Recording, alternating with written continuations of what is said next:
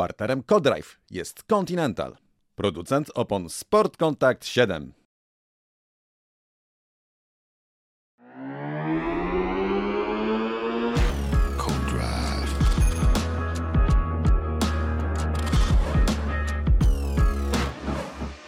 przyjemnością witam Państwa w Codrive numer 49 przed Grand Prix Arabii Saudyjskiej, a po Grand Prix Bahrajnu i to jest taka moja mini okazja, bo to już 40 odcinek podcastu Codrive, który prowadzę. Ui, fanfary, brawa i w ogóle jak to szybko zleciało.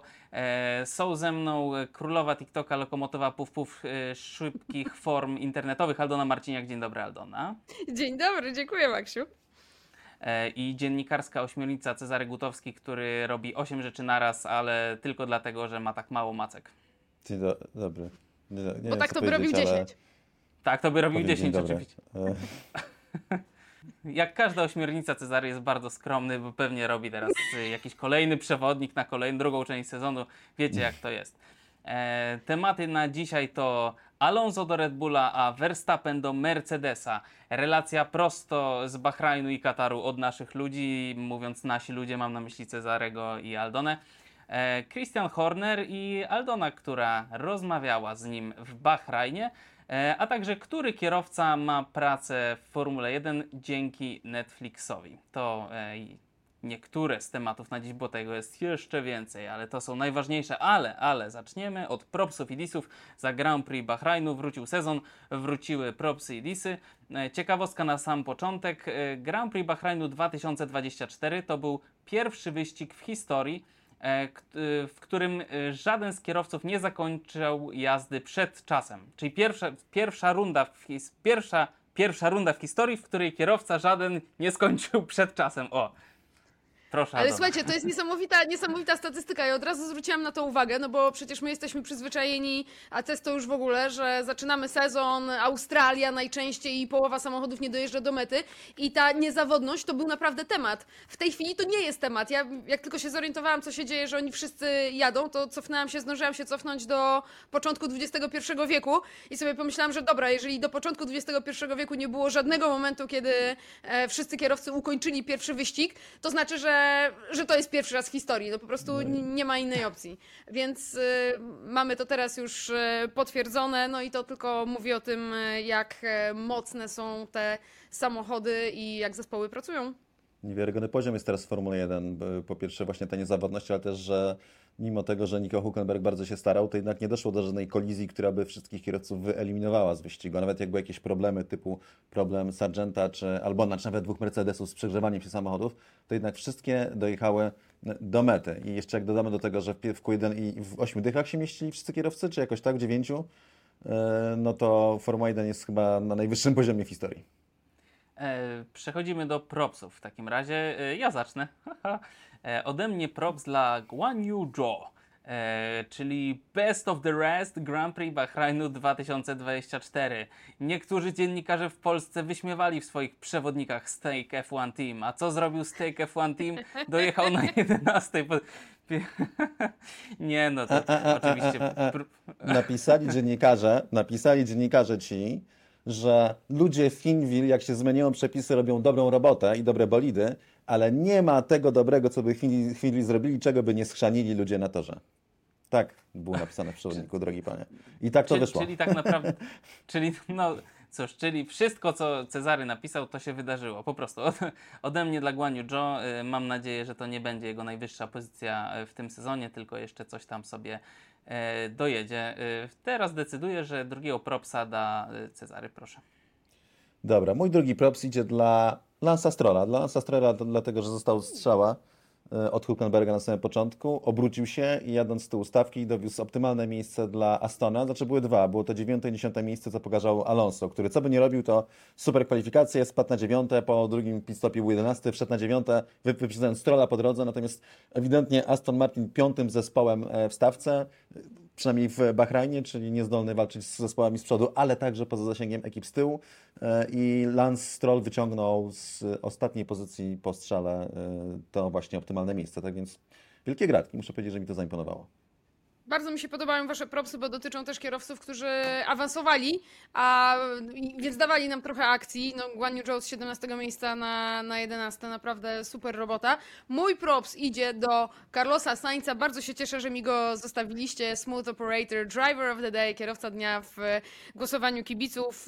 Człowiek, który dwa razy wyprzedził e, Charlesa Leclerca i George'a Russella, e, mimo że zespół bardzo usilnie starał się mm, zamienić kolejność swoich kierowców po pierwszych pitstopach, to zrobili. To Carlos Sainz jeszcze raz go tam e, wyprzedził. E, Naprawdę super robota dla gościa, który walczy o wszystko w tym sezonie, bo nie chce być w jakimkolwiek teamie, tylko chce być w topowym teamie w e, przyszłym roku. E, I zastanawiam się tylko, bo y, na pewno widzieliście te ujęcia sugerujące, że Carlos Sainz pod podium szuka swojej ekipy, szuka ludzi, żeby się z nimi cieszyć, a tam nikogo nie ma, tylko jest tata.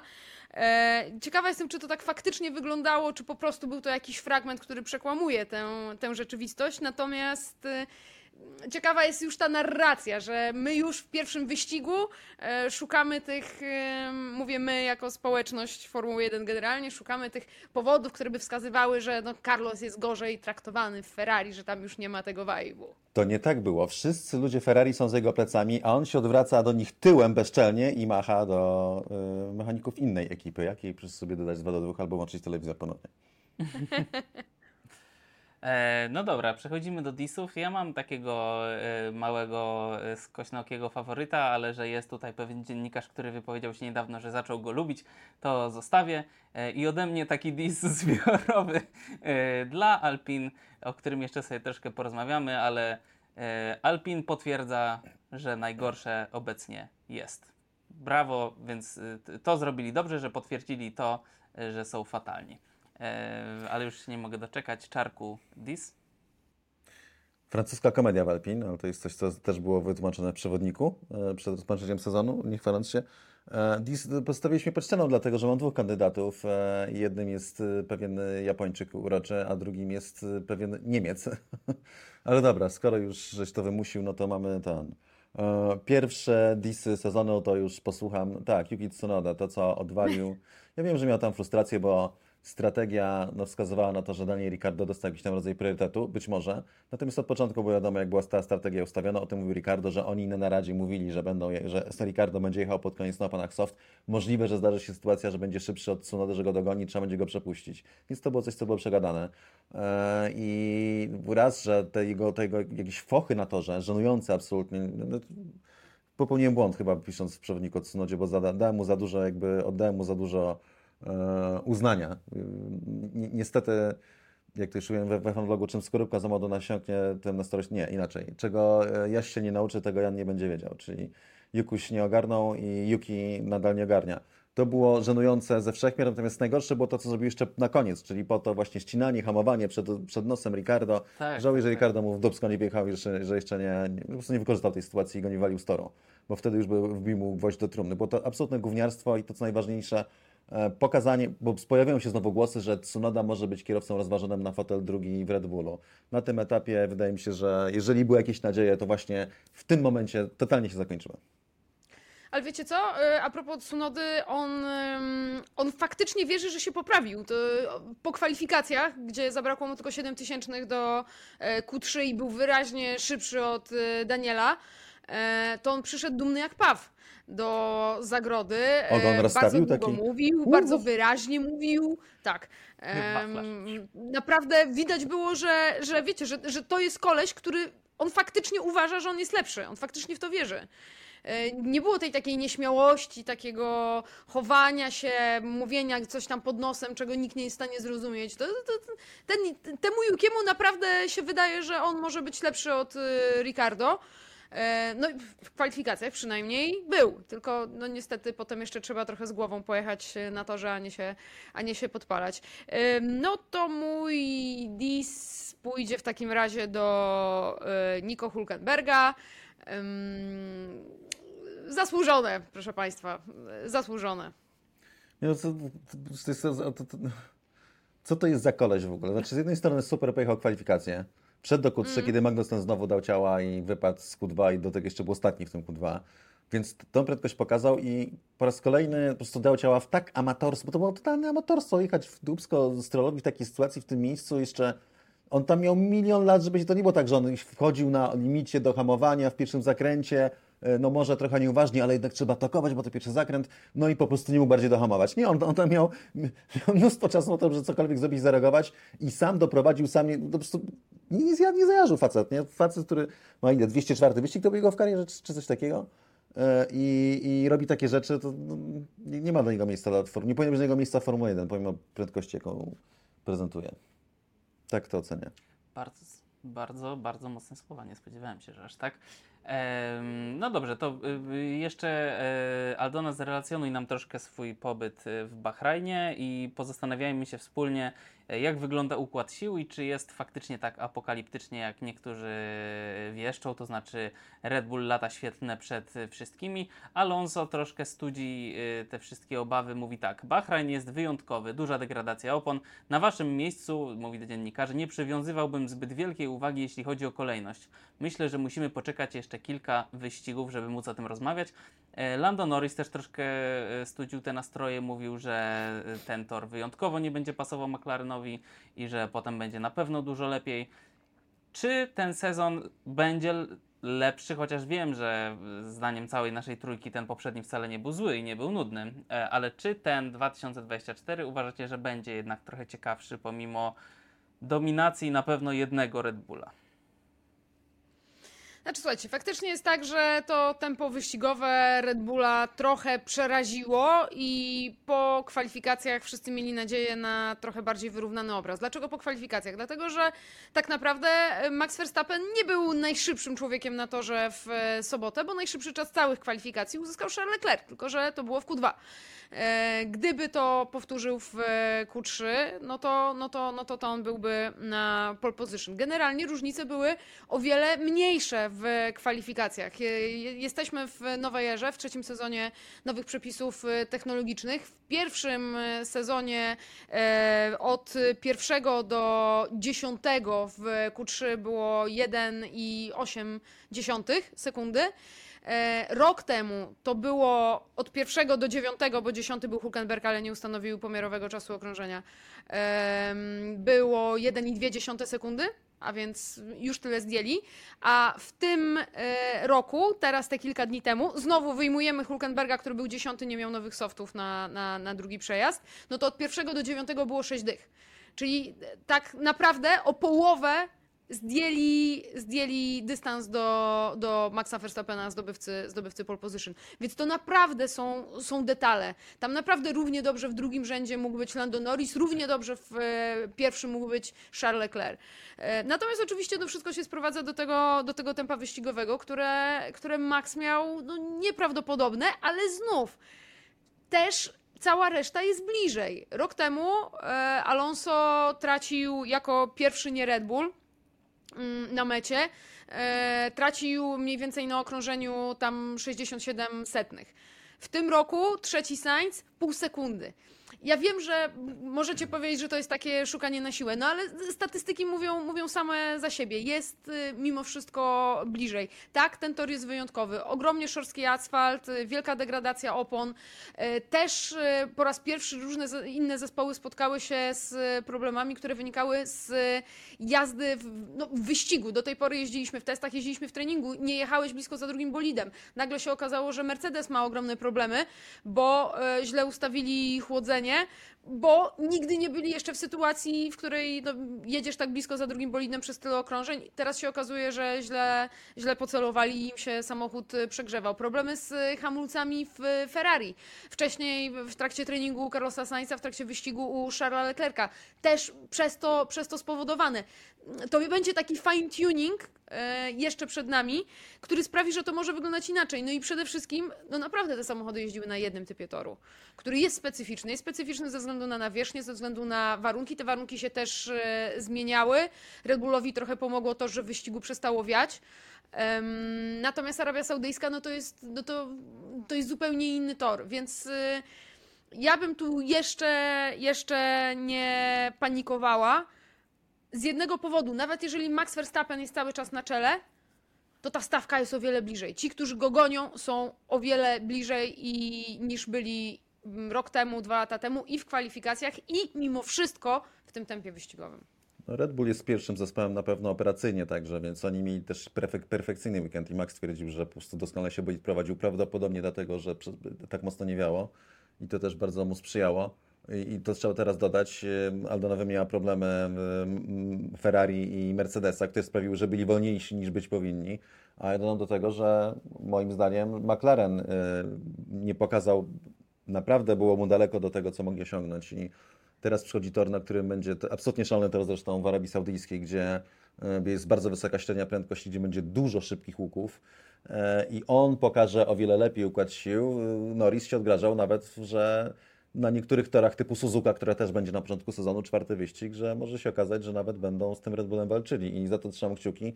Na to liczę i wydaje mi się, że na tym etapie e, Mercedes, Ferrari i McLaren są bardzo, bardzo blisko siebie, także mogą się tasować w zależności od typu toru E, i wcale nie wykluczone, że na niektórych rodzajach torów będą wręcz e, w stanie walczyć czy pokonać Red Bulla na wybranych wyścigach. Na to bym liczył. Na to, na, na, trzeba mieć taką nadzieję. Z całą pewnością, e, mimo tego, że ten wyścig bardzo przypominał poprzedni Grand Prix Bahrajnu, bardzo, bardzo, łącznie ze strategią opon, że Red Bull sobie jechał dwa razy na softach, podczas gdy większej stawki nie była sobie w stanie na to pozwolić, e, to mimo wszystko to są pozory. Jest o wiele bliżej, o wiele ciaśniej i moim zdaniem to będzie e, o wiele ciekawsze. Znaczy inaczej, poprzedni sezon był me- mega dobry, ale to będzie o wiele ciekawszy sezon na, na tej zasadzie, że nie wierzę, że Max pobije swój rekord zeszłoroczny, że będzie wygrał wszystkie wyścigi. Nie, to wydaje mi się, że tutaj będzie już trudniej. E, No dobrze, zanim przejdziemy jeszcze do naszego tematu odcinka, jak sądzę, to chciałbym, żebyśmy chwilkę porozmawiali o Alpin. Co tam się dzieje? Oprócz tego, że dzieje się bardzo źle, to e, właśnie dowiedzieliśmy się, że ze stanowiska zrezygnowali dyrektor techniczny i szef do spraw aerodynamiki. Kto tam, po pierwsze, kto tam będzie chciał przyjść na te miejsca teraz w takim momencie sezonu? E, Po drugie, co tu dalej robić? No, ludzie, którzy są za odpowiedzialni za taką kaszanę, no dobra, odeszli, e, tylko czy tutaj jest sens to poprawiać, czy tu po prostu trzeba to wszystko zaorać, czy trzeba już spisać ten sezon na straty? E, francuska komedia, pan Cezary pisał. Jak pan sądzi, jak ona się potoczy? Jaki będzie, jak, jakie będą kolejne akty? Eee, Akty rozpaczy. Myślę, że będą kolejne, a na końcu wyjdą akty, bo już to będzie takie totalna sztuka, śniadanie na trawie czy coś takiego. Eee, Nie, nie, a od aktów specjalistą jest akurat Finn, Walteri Bottas, więc może akty zostawmy zespołowi, Stake F1. Myślę, że jest to absolutnie kryzysowa sytuacja, absolutnie kompromitująca dla ekipy, która jest ekipą fabryczną i to po prostu nie przystoi. E, Stworzyli ten swój francuski Dream Team, wymarzony normandzki Dream Team wręcz, bo tam dwaj kierowcy z Normandii, z tego co się orientuję, to w zasadzie Renault też się z tą, znaczy Alpine też się z tą, no Renault z Normandią się bardzo identyfikuje. E, I no, wychodzi na to, że jest to zespół w stanie totalnego rozkładu. Aldona już wcześniej jakby pod wątpliwość poddała e, pana Bruno Famę jako tą osobę, która powinna ten zespół wyprowadzać z kryzysu. Mam nadzieję, że to jakoś jeszcze rozwiniesz, bo no, ja nie, miałem, nie byłem przekonany, znaczy w sensie inaczej, no, nie miałem takiego, nie znam koleś, nie, nie byłem w stanie go wyczuć jeszcze. On po prostu bardzo mało mówi. O ile co do Rossiego było od razu wiadomo, po pierwszej wypowiedzi Olesno było wiadomo, że to jest dyletant. O tyle po tym facecie ciężko jest odgadnąć, co, co w sobie ma.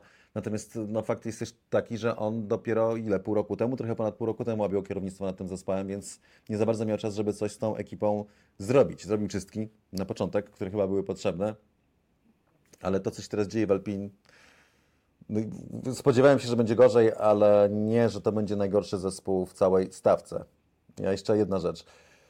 Y, To jest oczywiście składowa wielu czynników, ale jednym z największych błędów to było pozbycie się Alonso. I to y, nawet nie chodzi o to, że Alonso tam jest inżynierem i bolidy y, projektuje, bo nie projektuje, ale to jest znowu, to jest osoba lidera, osoba, której zespół ufa, któremu ufają mechanicy i która po prostu no, ten zespół scala. I jakby podpisanie trzeciego kontraktu z Okonem, z kimś takim jak Okon i wodzenie za nas Alonso to był, to był chyba największy grzech, jaki w tym zes- zespole popełniono, największa głupota. I to jest wszystko, co się teraz dzieje, to jest konsekwencja nie tyle samego zwolnienia Alonso, co takich działań. Tak samo jak na przykład, kiedy BMW Zaber się posypało, mimo tego, że szli bardzo do przodu e, i po zwycięstwie Roberta Kubicy zrezygnowali z walki o Mistrzostwo Świata i po prostu zamknęli kramik i już się szykowali, żeby zdominować sezon 2009, zdemoralizowali całą ekipę. To jest bardzo podobny, bardzo podobny przykład no, ruchu, który po prostu po- położył y, rozwój całego zespołu. Bo to chodzi o ludzi, o dynamikę, o właśnie takie kwestie jak przywódców, jak wiarę w to, że będzie dobrze, a nie jakieś korporacyjne takie us- ustawienie i ułożenie i po prostu wiarę w to, że jesteśmy tacy zajebiści, że tak to poukładaliśmy, że co by się nie działo, to będzie się dalej rozwijało. Tu chodzi jednak o ten czynnik ludzki, o ten czynnik iskrę boską w tym człowieku i oni to po prostu położyli i mają to, co chcieli. Absolutnie masz rację. Alonso był człowiekiem, któremu ufali mechanicy, któremu ufa- uf- ufali przede wszystkim inżynierowie. E, Natomiast jeszcze jedna rzecz, już tak e, abstrahując od e, relacji międzyludzkich, które są tutaj no, bardzo ważne i to, jak ta organizacja jest poukładana, o czym powiedział Cezary, jest jeszcze jedna rzecz. Słuchajcie, no to jest było, nie było. Jedyny zespół z silnikiem produkowanym w, w Biri i oni tracą. I skończyło się rumakowanie pod tytułem Dobra, pod y, pretekstem poprawiania niezawodności poprawimy sobie osiągi. Zostało to zablokowane, taki no, pomysł e, e, Alpin przez inne zespoły, więc to, co dla nas było kiedyś dobre, to spoko, ale teraz jak rywal chce, no to już nu, nu, nu. E, I oni jakby te problemy są na każdym tle. Do tego, do tego zmierzam. To jest źle zaprojektowany samochód, to jest słaby silnik i to jest słabe przywództwo i ostatecznie no, nie najlepszy zestaw kierowców. Ale widziałem e, na sprawę Alonso spojrzenie z trochę innej strony, to znaczy Alonso, który jest znany z tego, że miał słabe wybory, jeśli chodzi o zespoły, czy może pecha. E, Tak tutaj, że po raz pierwszy masz szczęście, że mógł siedzieć tam po prostu, a odszedł w idealnym momencie, że potem to już tylko zjazd, więc może jest odwrócona ta wajcha. E, No dobra, e, porozmawiajmy sobie o tym, jak Jos Verstappen trzyma Red Bulla za to, co byki mają duże. Pokazałem to, co mają duże teraz dla tych, którzy nas oglądają. Ta, to, co mają większe proporcjonalnie do innych zwierząt, które też to mają, bo nie wszystkie zwierzęta mają rogi. E, proszę Państwa, tutaj już zostawię mm, A wszystkie zwierzęta się. mają to, co mówisz? Nie wszystkie oczywiście, ale zdecydowanie większa ilość zwierząt ma to, co byki mają duże niż rogi, jak sądzę. E, Samce, oczywiście. E, Mamy Josa Verstappena, który ma ogromny wpływ na swojego syna Maxa Verstappena, który jest złotą kurą Red Bulla, jest e, obecnie prawdopodobnie najlepszym kierowcą jeżdżącym w Formule 1.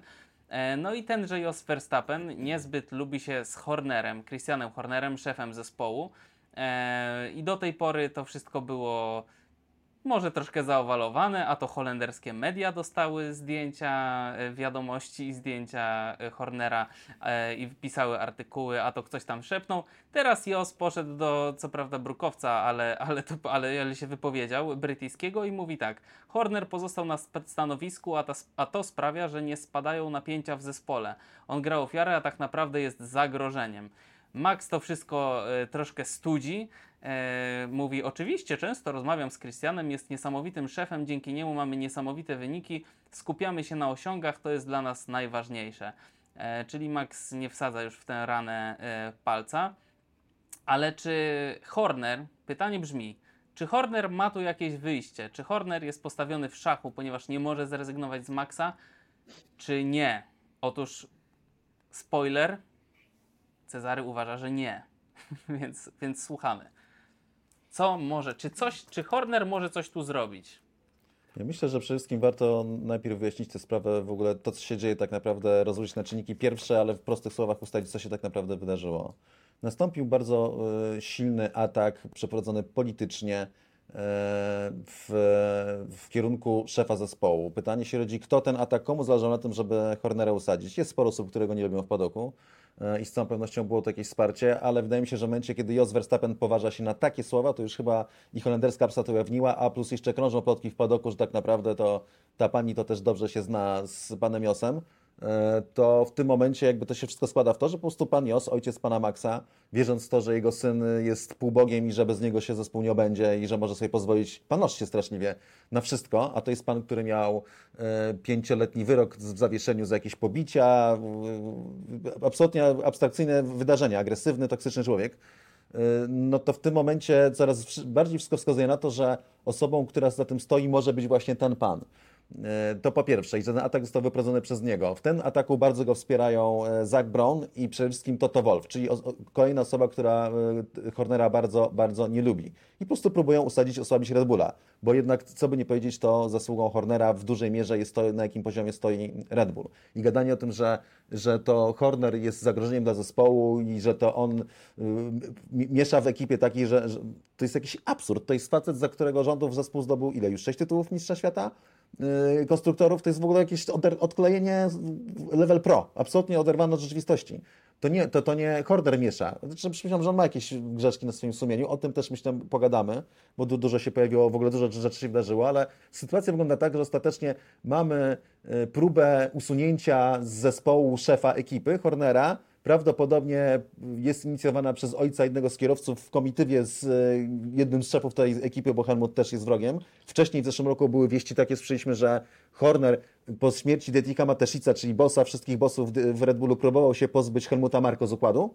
E, I teraz, e, I teraz następuje ta kontra. W- życiu nie widziałem w Formuły 1 takiej skali w ogóle, takiej zjadłości, takiej zaciekłości, ale też takiego absolutnego braku granic. No bo to, to straszne. Jak się na to przyjrzeć, to te pomówienia, które krążyły, one w niczym nie współgrają z tymi dowodami rzekomymi, które się okazały. Tam nie ma żadnego agresora, tam nie ma żadnego mobbingu, tam jest coś, co wygląda żenująco, ale nie ma tam jakby nadużycia władzy, o, w tym, w, w tym sensie, ale mam nadzieję, że, do tego jeszcze przejdziemy.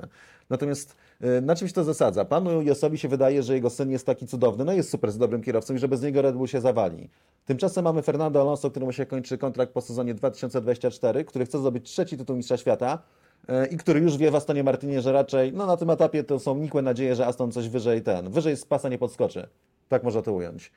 I widzimy, że Flavio Briatore ostatnio coraz częściej i coraz goręcej gada z Christianem Hornerem. Więc w momencie, kiedy Horner jakimś cudem, w ogóle to niewiarygodne, wybronił się z tej sytuacji i zapewnił sobie wsparcie w Red Bullu, że jednak zostanie dalej szefem, to to, co może dać im, to zamiast Maxa, znaczy obok Maxa Verstappena przede wszystkim, jak Verstappen zostanie, Fernando Alonso, bo to jest jedyny kierowca, który A ma wolny kontrakt, B, który daje ogromne nadzieje, że w miejscu Verstappena zrobi, będzie minimum równie dobry, a być może nawet ciut lepszy. Albo ciut gorszy, ale wystarczająco dobre. Więc nagle ma jakby tutaj Tegasa w rękawie i moim zdaniem po prostu to będzie super zagranie, jeżeli to wykończy Horner, po prostu pokontratując Fernando Alonso i czekając na to, co w tym momencie zrobi, zrobią Verstappenowi. Y, Natomiast jeszcze raz, osobą, która najbardziej i to jest też takie zjawisko, o którym się rozgadałem, ale to jest zjawisko takie powszechne, to jest coś, co powtarzałem od dawna. Max jest kierowcą niby idealnym, ale każdy ma jakąś słabość. Słabością Maxa Verstappena jest relacja z jego ojcem. Z jego ojcem, który go stworzył, który go zbudował, który go wytresował na wybitnego kierowcę, ale na jakimś etapie to się musi zemścić ta relacja. W taki czy inny sposób. I to jest ten moment. To jest ten moment, kiedy przekroczył pewne granice, kiedy mu się wydawało, to ja tak to oceniam, że tym zagraniem uda mu się Hornera usunąć. Nikt, nikt się nie spodziewał, że to się rozmucha na, na, na tak wielką aferę. Nikt się nie, nie spodziewał pewnie z nich, że w ogóle Horner się utrzyma na, tym na tym stanowisku. Wyszło z tego straszne bagno i teraz już jazda bez trzymanki, nie? To, to wszystko eskaluje. I to wszystko moim zdaniem prowodyrem jest ojciec jednego z kierowców. Ja myślę, e, wiecie o czym myślę? E, Po pierwsze o tym, że faktycznie niesamowite jest, jak e, bezpardonowe to się stało. E, Po drugie, zastanawiam się, czy to, że Horner jakimś cudem się utrzymał, no to skoro go nie wyrzucili, no to nie będą go teraz chcieli usuwać. e, Skoro już go zostawili po czymś takim, to nie będą go chcieli teraz usuwać za jakieś mniejsze rzeczy. Czy on teraz tak naprawdę nie dostanie więcej mocy i czy on się nie poczuje na tyle pewnie, żeby skontratakować ich w tej sytuacji i właśnie tak jak mówisz, nie, nie zdecydować się na taki ruch jak zatrudnienie Alonso, którego by unikał w innym wypadku. Tak. Myślę jeszcze o jednej rzeczy. Czy to jest, czy jest możliwe, że to tak naprawdę nie Jos jest prowodyrem, tylko Jost jest troszeczkę sterowany przez większych od niego. Może mu się wydaje, że to on, że to jego wielki pomysł, ale czy on na przykład nie jest troszkę, wiecie, kukiełką y, w rękach y, ludzi, którzy wymyślili sobie. Możliwe, że to po prostu Helmut Marko, tak? Że to niekoniecznie, że to tam Toto Wolf z Zakiem Brownem sobie gdzieś uknuli, tylko że to w tej samej rodzinie, z którą najlepiej wychodzi się na zdjęciach, zaczęło się to wszystko psuć. No właśnie, a czy na przykład y, widziałabyś, y, Aldona, czy myślisz, że, czy, czy po tym jak Lewis Hamilton nagle wykonał Voltę i przyszedł do Ferrari, czy po tym jak Jos Verstappen idzie do gazet i mówi, że Horner jest zagrożeniem, czy wyobrażasz sobie, czy, czy, czy przejście Maxa Verstappena na przykład do Mercedesa y, jest wciąż tak absurdalne, jak wydawałoby się jeszcze rok temu? Nie jest absurdalne. Tak samo jak to, że, że obok Maxa Verstappena pojawi się nie wyraźny kierowca numer dwa, ale kierowca, w którym e, można wskazać e, lidera ekipy. Wiecie co, ja generalnie mam. Bardzo, bardzo trudno się mówi o tej, o tej całej sytuacji, bo ona ma ogromnie wiele aspektów. Po pierwsze, i też e, tego to trzeba powiedzieć, ostatecznie nie wiemy, co się wydarzyło. Nie wiemy. Coś zostało, zostało, zostało nam dziennikarzom przekazane. Ja się o, ty, o tym dowiedziałam w bardzo prosty sposób, mianowicie e, w pewnym momencie w biurze prasowym w, w Bahrajnie nagle zaczęły się tworzyć takie kółeczka dziennikarzy. Po prostu nad jednym ekranem widzisz najważniejszych dziennikarzy w padoku. Tutaj Brytyjczyk, tutaj Niemiec, tutaj Włoch, tutaj po prostu wszyscy siedzą i wszyscy, i wszyscy się w coś, w coś wpatrują. I wtedy mm, mój nasz operator e, Łukasz tak przechodził z tyłu za plecami, tak przechodzi, przechodzi, tak zapuszcza żurawia w komputer. Mówi, ty, oni wszyscy siedzą nad jakimiś Whatsappami. No i patrzę, patrzę o co chodzi i zaraz się okazuje, że, że, że jest ten link z, z, ze screenami jakoby wiadomości Christiana Hornera e, i jego asystentki. Żyjemy w takich czasach, że nikt sobie nie da ręki uciąć, że to jest e, autentyczne. Nie musi być, może być e, stworzone, może być, e, może być sfabrykowane.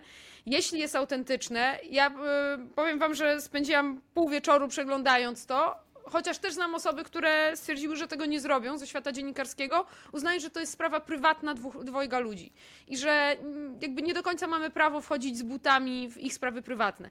I to jest pierwszy wątek. Coś, o czym powiedział Cezary. Czy to jest kontrolujące zachowanie szefa, czy to jest słaby, żenujący mm, romans, wybryk, podryw, po prostu dwojga ludzi, ich prywatna sprawa. Bardzo wiele osób miało pogląd, że to jest, że to, jest to drugie, że to jest po prostu coś bardzo nieładnego, obrzydliwego, e, gdy jesteś w związku, e, ale po prostu jest to sprawa między nimi, a nie sprawa służbowa. E, Drugi Drugi aspekt tego jest taki, i ja w sumie zostałam, bo o tym, o tym powiedziałam, ja w sumie zostałam z takim wrażeniem, że, że, że, to, jest, y, że to jest przykre, e, bardzo przykre dla Jerry Halliwell źle- świadczące o Hornerze jako o człowieku, pewnie też źle świadczące o nim jako szefie, ale bez znamion nadużycia. Em, więc to jest jedna rzecz. Druga rzecz, dużo osób w padoku e, pytanych o to po prostu wzdrygało ramionami i mówiło polityka. Więc to jest coś, co, co mm, ten aspekt, że to jest element, element rozgrywki, jest bardzo, bardzo wyraźny. Trzecia rzecz to jest coś, co powiedział, powiedział e, mi Coulthard przed e, kamerami Viaplay. David Coulthard, który jest przecież bardzo blisko Red Bulla. Mi Em, kultarty, jacy kumple. masz- Powiedział mi to kulti. Masz, masz, niezależne, masz niezależne śledztwo. Masz człowieka, który spędził e, 8 tygodni to badając, bo w sumie cała ta sprawa trwała dłużej. My się o tym dowiedzieliśmy tam 4 tygodnie temu, ale, ale ta pierwsza skarga przyszła 8 tygodni temu. E, jest jakieś rozwiązanie tego, jest jakaś decyzja. I teraz co, będziesz kwestionował to i jeszcze raz to badał do, tak długo, dopóki nie uzyskasz takiej decyzji, jaką chcesz? To znaczy, czy, czy, czy ta decyzja, żeby oddalić zarzuty e, pod adresem Christiana Hornera, jest zła, dlatego że ty się z nią nie zgadzasz? Ja teraz cytuję, cytuję Davida Coultharda. Więc y, od strony formalnej tak to wygląda. Red Bull zakończył swoje postępowanie, Christian Horner zostaje na stanowisku szefa. E, Prezydent FIA Ben Sulayem powiedział, że FIA nie może tutaj, nie będzie w żaden sposób e, ingerować, bo do nich nie wpłynęła żadna skarga. Oni tutaj nie są żadną stroną w tym momencie. I on sobie wyszedł i powiedział, że to jest krzywdzące dla sportu, ale jakby nic nie zrobi. I wracamy do tego, że, zrobi, że, że, to jest, że to jest w tym momencie rozgrywka. To jest w tym momencie rozgrywka polityczna. E, Ja spytałam Christiana Hornera, co tu dużo mówić, nie, był to, nie była to najłatwiejsza z rozmów, jakie przeprowadziłam w swoim życiu, bo... Ale podjęłaś się. e, Podniosłaś ten miecz i poszłaś tam ten mikrofon. Wszyscy się Tak. rozstępowali. To ona, to ona się nie bała. E, Wiecie co, bo, bo, bo to trochę tak jest, że masz człowieka, który jest w, no, w największym swoim kryzysie zawodowym i osobistym. Nie wiesz, jak na to zareaguje. To była jego pierwsza rozmowa mo- od momentu, w którym wyciekły te, mm, te, te, te, te screeny. E, I kompletnie nie miałam pojęcia, czego się spodziewać. Jakby liczyłam się z tym, że po pierwszym pytaniu on po prostu odejdzie. E, To też było możliwe. Natomiast, e, natomiast no, potem koledzy do mnie przyszli mówiąc, że, że tak naprawdę więcej powiedział nic nie mówiąc, gdy spytałam go, czy czuje, że ktoś sobie go obrał go za cel. A on wtedy zaczął odchodzić i powiedział, powiedział że no po prostu wnioski możecie sobie wyciągnąć sami.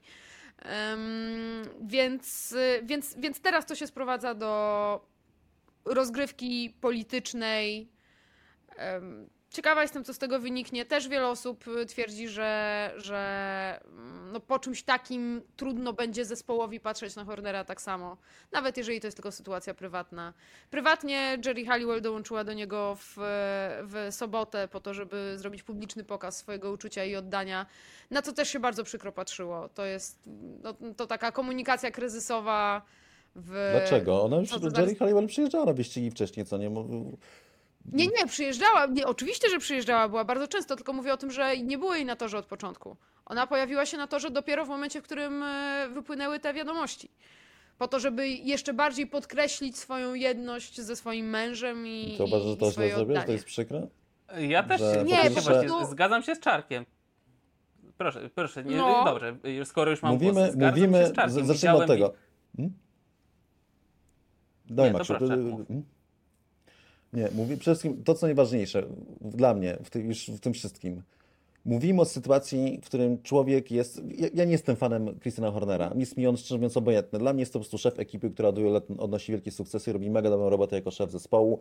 Nigdy nie spotkałem się z żadnym i nigdy nie odniosłem wrażenia, żeby to była osoba, która się na przykład tym znęca. Może być surowym szefem, ale nigdy nie widziałem w nim takiego sukinsyna, jakiego w nim e, rysowano. I teraz to, co się wydarzyło, i to jest najwstrętniejsze, że doszło do takiej totalnej, publicznej, międzynarodowej nagonki, która z góry skazywała go, przez wie, wielu oczach był skazany na pożarcie, powinien odejść z zespołu, niezależnie od tego, czy jest winny, czy nie. Czyli po prostu taka nagonka, najwstrętniejsza rzecz, jaka może być, taka zachowanie grupowe mas, które po prostu rzuciły się na tego faceta, nie wiedząc, czy jest winny, czy jest niewinny. A potem wypuszczono rzeczy, które a, nie do końca wiadomo, czy są prawdziwe, czy nie, ale nawet jeśli są prawdziwe, to teraz tak, ja rzuciłem tylko na to okiem, bo też jak- jakby, ja nie, nie, nie oceniam osób, które to czytały, bo każdy mo- może sobie e, jak chce, ja nie, nie jestem nikim, który, który by sądził, ale też nie- niechętnie wchodzę w rzeczy prywatne, nie jestem osobą, jestem bardzo ciekawski, nie jestem ścipski, więc uważam, że to powinno się zostawić e, prywatnym sprawom, ale rzuciłem okiem na kilka rzeczy, parę rzeczy mi pokazano, między innymi zdjęcie czegoś, co wyglądało jak palec na pierwszy rzut oka, no ale okej. E, I jeszcze słyszałem opinię, tak, przybliżyła mi to e, Aldona. I to, co mi się rzucało w oczy, tak jak znam relacje międzyludzkie między mężczyznami i kobietami i jak no, głupi czasami potrafią być mężczyźni i jak mądre potrafią być kobiety, to on, jeżeli to był on, czy ta, ta osoba, która jest tam mężczyzną, robi z siebie głupka, nie jest agresorem, a ona jest lekko zażenowana, ale świe- świetnie kontroluje sytuację i doskonale sobie z tym radzi. Po prostu nie, z całą pewnością nie jest na poziomie osoby, która jest w jakikolwiek sposób zastrzeżona, zastraszona, czy jest, nie wiem, onieśmielona, czy jest, y, nie wiem, zmuszona do, do czegokolwiek, tylko po prostu radzi sobie jak mądra kobieta, sprytna, powinna sobie radzić z głupim facetem. I tak to mniej więcej wygląda, więc przedstawianie tego jako tu agresor, biedna kobieta, mizogin, szowinista i tak dalej, to jest po prostu, tak nie było. To, to, ale to, na to wszystko było grane. Więc ostatecznie mamy tutaj z jednej strony y, jakiś właśnie ten histerię społeczną i znak naszych czasów, że teraz można każdego oskarżyć, rzucić mu oskarżenie o to, że nie wiem, że jest mizoginem i od razu pół Twittera skazuje, chce go zamordować i powiesić. E, A z drugiej strony mamy sytuację, w której no, nie do końca to współgra z tym, co, co wychodzi nawet w tych dowodach. Więc dla mnie sytuacja jest absolutnie absurdalna i ja bronię Hornera tylko dlatego, nie chodzi o niego osobiście, tylko dlatego, że takie rzeczy, takie nagonki, to jest tak podłe i to jest tak ludzkie, to jest coś, co jest poruszane w największych dziełach literatury, typu Władca Much Goldinga, noblowska książka.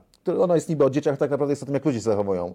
Dokładnie, bardzo, zresztą to się teraz dzieje w społeczeństwach. To jest wszystko opisane w literaturze. Jeśli nie naukowej i psychologicznej, y, to z całą pewnością w, w beletrystyce i po prostu w, w literaturze pięknej. Najwstratniejsza rzecz z zachowań ludzkich stadnych, jaka się wydarzyła, właśnie ta nagonka na Hornera i dlatego właśnie do końca będę go bronił, o ile się nie okaże, że faktycznie on kogoś gnębił. Jak kogoś gnębił, baju, ale póki co nie było żadnego dowodu, ani nawet sygnału na to, że coś takiego miało miejsce. Wiecie co, jeszcze ostatnie zdanie, jeśli mogę. Mi w tej chwili to tak naprawdę najbardziej żal tej kobiety, bo no, a przeżyła, przeżyła swoje, pewnie, pewnie trochę to było przykre, było to na pewno niezręczne dla niej. Z jej odpowiedzi też nie wynika, żeby no, bardzo to ucinała, że tak powiem. E, Też często wchodziła w te, w te interakcje. E, Natomiast w tej chwili, no to tak, no, Horner zostaje na stanowisku, Jerry Halliwell zostaje z e, Hornerem i, i mam wrażenie, że ta dziewczyna po prostu stała się narzędziem w nie swojej walce. Tak, ona tym stała momencie. narzędziem, oczywiście, że tak. To ja dodam tylko od siebie jeszcze, że e, jaka by tam nie była relacja, to i tak mam lekki absmak e, związany z tym, że jeżeli szef z podwładną wchodzi w jakąś relację, to i tak zawsze jest to jakaś e, pozycja siły, nawet jeżeli e, ta podwładna, tak, czy podwładny w drugą stronę, obojętne, e, wchodzi w to i, i nie, nie wykazuje oznak gnębienia, to i tak, y, to i tak jest to lekko niesmaczne, natomiast, y, natomiast y, zgadzam się z Wami. To, co mnie zaskoczyło, to to, bo, bo ja widziałem te zdjęcia i filmiki y, z Christianem Hornerem i Jerry Halliwell i, i, i nagle zobaczyłem jakieś analizy, że analiza y, mowy jej ciała, że ona tu nie chce być, że ona go nienawidzi.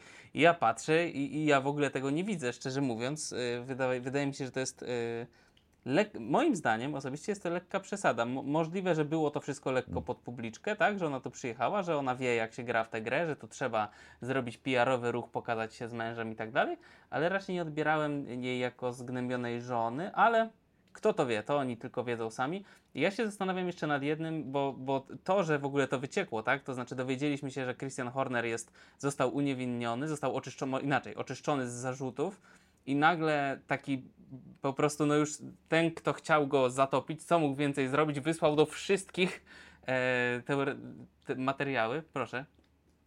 No i właśnie, i, i, i to też, no, słuchajcie, sprawia, że no, nie możemy tutaj wierzyć w jakiś y, przypadek i działanie tylko dla e, dobra wszechświata. w momencie, w Ideowego, którym tak, ktoś wszedł w posiadanie listy mailingowej, na której, na której są nazwiska e, dziennikarzy ze stałą akredytacją Formuły 1, e, na której jest no, prawie 150 nazwisk naprawdę bardzo ważnych osób w e, padoku. To ja nie mam takiej mailing listy.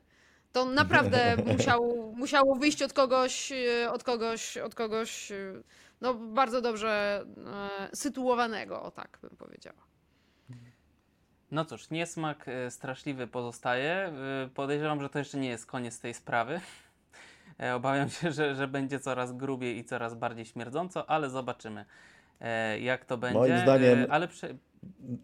Najfajniejsze, co się w tej sprawie może wydarzyć, to jest to, że po pierwsze zakon- zakontraktuje, jego bym chciał, Alonso do Red Bulla i w tym momencie y, będą musieli odejść Verstappenowi, bo jeżeli będzie Alonso w Red Bullu, moim zdaniem Alonso jest w stanie walczyć z Verstappenem, jak będzie w stanie walczyć z Verstappenem, a Horner ma kontrolę nad zespołem, to, y, to Alonso będzie mistrzem świata. Bo po prostu, albo będzie totalna wojna. Więc w tym momencie wcześniej bardzo skłóceni, obrażeni Verstappenowie na, na Toto Wolfa, bardzo obrażeni. Zwróć uwagę, nagle Toto Wolf mówi w kontekście tego, dlaczego y, Hamilton nie dostał przedłużenia umowy y, większego i odszedł do Ferrari. Dlaczego? No bo myśmy popełnili błąd, bo w 2014 roku mogliśmy mieć takiego kierowcę bardzo zdolnego, Maxa Verstappen. Nagle, jak to, Max Verstappen bardzo zdolny? Nie mieliśmy na niego fotela, więc nam go zgarnął, sprzed nas nam go Red Bull, dając mu miejsce w Toro Rosso. I zobaczcie, jaki to jest utalentowany kierowca. Nie?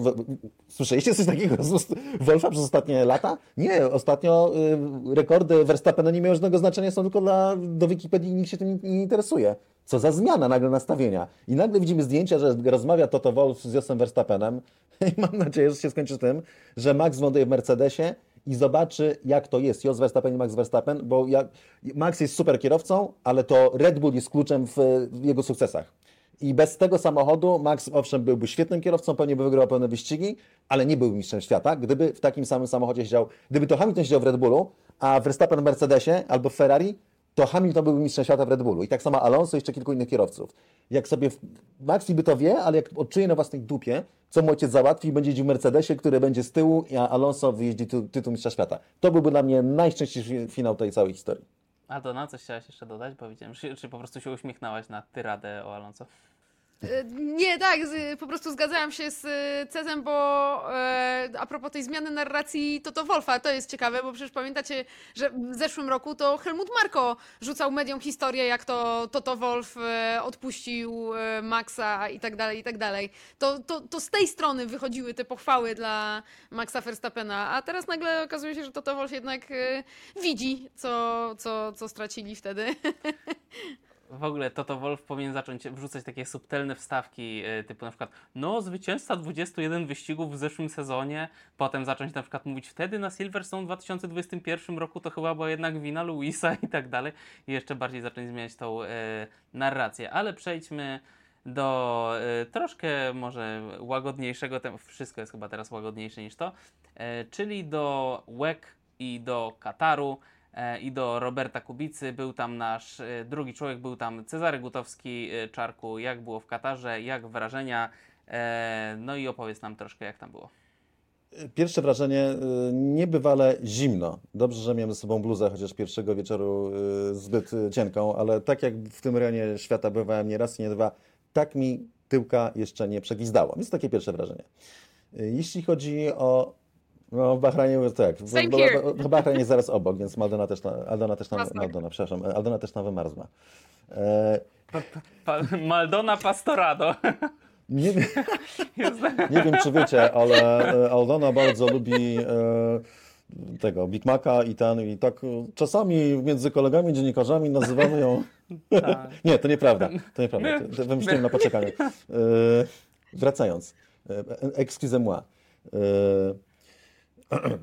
Jeśli chodzi o WEC, no mamy otwarcie nowego sezonu, w którym mamy 19 samochodów klasy Hypercar, yy, brak LMP2 i faktycznie widać, że trochę to urosło. Widać też mnóstwo kierowców bardzo, bardzo dobrych w tej stawce, kierowców z przeszłością Formuły 1, których widywaliśmy na torach królowej sportów motorowych, ale także z innych kategorii bardzo mocnych i kierowców takich w, osadzonych w długim dystansie. Jest to naprawdę mega dobra stawka. I pośród tej stawki można by podejrzewać, że jestem e, stronniczy, ale nie. Jedną z najlepszych ekip, jeden z najlepszych składów wygląda na to, to jest ten właśnie nowy skład, czyli IFEI, y, który się pojawił znikąd jeszcze w 2021 roku i zaczął jeździć z Robertem i z Luisem Delat razem w LMS-ie. E, Robert Schwarzman, który no, ma słabą prasę, dlatego że y, nie dość, że jest z pochodzenia rosyjskiego, jeździł z rosyjską licencją, to jeszcze do tego izraelski, a to teraz bardzo niemodne y, paszporty. Chociaż je- jeden teoretycznie gorszy od drugiego, podczas gdy jest to po pierwsze mega fajny, me- mega sympatyczny facet, y, a po drugie bardzo dobry kierowca, aczkolwiek jak pojechał w tym wyścigu, jak zaczął swój stint, to moim zdaniem trochę za grubo. No ale kurde, to co pojechał to było po prostu wyprzedzanie Toyoty, jeszcze z wykorzystaniem Marodera, przyciśnięty przez Kobiesiego do ściany. No kurde, chłop ma jaja i, i w sensie naprawdę potrafi pojechać. Miejmy nadzieję, że to nie, nie zostanie jakby prze- przeniesione poza granicę. Natomiast y, wyścig fenomenalnie wyglądał od strony biura prasowego i lifetimingu, bo y, Robert, Ifej i, i Robert byli najszybszym Ferrari na, na pierwszej pozycji, zajęli piąte miejsce niby ze względu na to, że Peugeot stanął, ale Peugeot stanął dlatego, że nie dotankowali. Gdyby do, dotankowali, to wówczas y, i tak y, nie jechałby przed nimi, więc tak czy inaczej no, była, to, była to ich pozycja w szyku. Po czym Robert wysiadł z samochodu i zaczął opowiadać, co się działo w wywiadzie. I po prostu z jego punktu widzenia to tam była jakaś totalna katastrofa. Tam po prostu zero organizacji, padło radio przed wyścigiem, musiał wszystkie procedury spamiętać w hybrydowym samochodzie, który w 10 minut, który jest ultra, ultra skomplikowany. Brak komunikacji, nie wiadomo było, co się działo w wyścigu. Start na niedogrzanych oponach i hamulcach, bo nie mogli z jakich względów przyjechać trzech okrążeń wyjazdowych, tylko po pierwszym musieli być już e, cze- czekać pit lane, więc auto było nieprzygotowane, więc blokowane koła na początku. E, tak, kolizja niewielka, ale jednak w pierwszym zakręcie, bo wjechał, obracał się Peugeot 1 Diresta, Cadillac wjechał Robertowi przez nos, przed nos, więc uszkodził lewy róg przedniego, e, przedni samochodu. Potem jakieś uszkodzenie z tyłu samochodu, zmiana tylnego skrzydła, e, pomieszanie z poplątaniem, po jakaś totalna katastrofa strony zespołu, a oni mieli piąte miejsce na mecie, najszybsze Ferrari, dwa fabryczne Ferrari za nimi i jeszcze stanęli na podium, bo w pucharze zespołów niefabrycznych zajęli drugie miejsce. To jest magia właśnie długiego dystansu. Ja mam do Ciebie pytanie, Ces, y, jakbyś, y, jakbyś powiedział, bo mm, mm, oczywiście pewnie wszyscy byśmy chcieli zobaczyć Roberta w e, ekipie fabrycznej. Mamy złe wspomnienia generalnie ze sportów motorowych, ale też z kariery Roberta, y, co się działo, gdy jechał w ekipie prywatnej. Więc y, jak to tam na miejscu, na miejscu wygląda? Ten trzeci samochód to jest aż tak złe. Znaczy, to jest ta sama ekipa. To jest AF Corse, wszyscy się spotykają, obracają w ten. Po prostu możesz wystawiać dwa samochody fabryczne yy, i te samochody to już są za, załogi, które mają większe doświadczenie z zeszłego roku. Jedna z tych załóg wygrała Le Mans. Yy, I trzeci samochód po prostu wystawiasz, który nie punktuje w Mistrzostwach Świata konstruktorów, tylko w pucharze.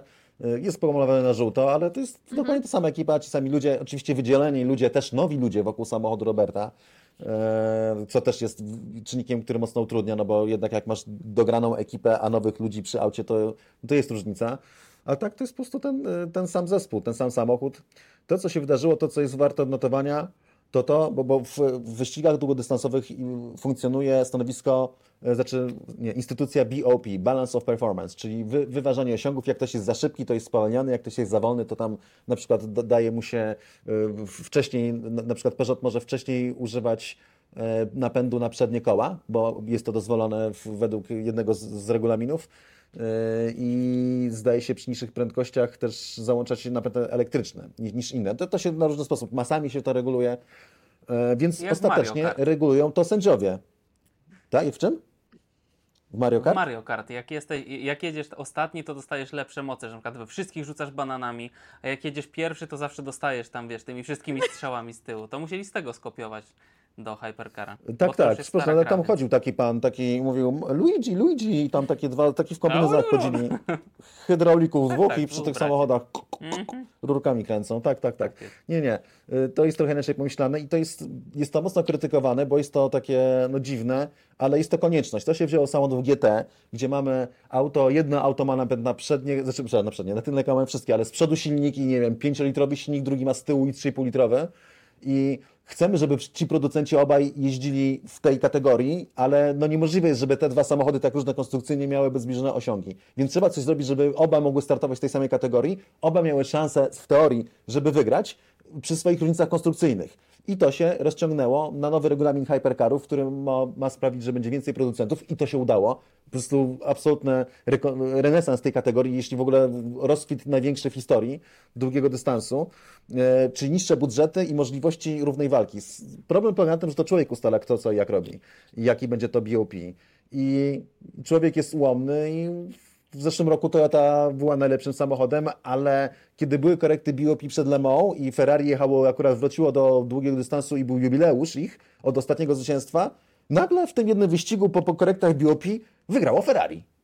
Przypadek, prawda? Zupełnie przypadek. Mistrzostwo świata zdobyła Toyota yy, i była najlepszym samochodem, ale w tym jednym wyścigu, gdzie ustalili inne BOP, no bo żeby tutaj dorównać, nagle Ferrari wygrało ten wyścig.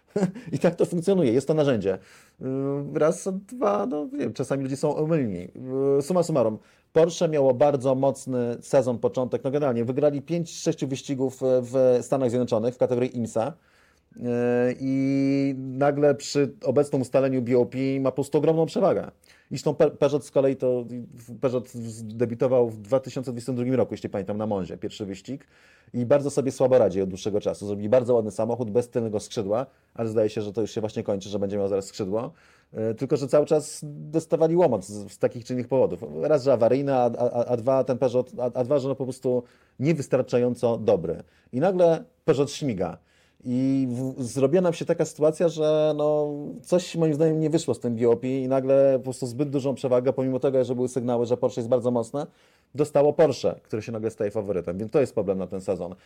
Natomiast fakt jest też taki, że no, daleko było do wyciągnięcia potencjału Ferrari, jeżeli e, w najszybszym Ferrari było Ferrari niefabryczne, które miało tyle problemów, e, o których opowiadał Robert Kubica, a dwa fabryczne jeszcze dojechały z tyłu, to być może jeszcze i w tym Ferrari by się kryło trochę więcej potencjału, gdyby tam funkcjonowały sprawy jeszcze lepiej. E, Jednemu z e, samochodów fabrycznych Ferrari odpadło to tylne skrzydło, prawda?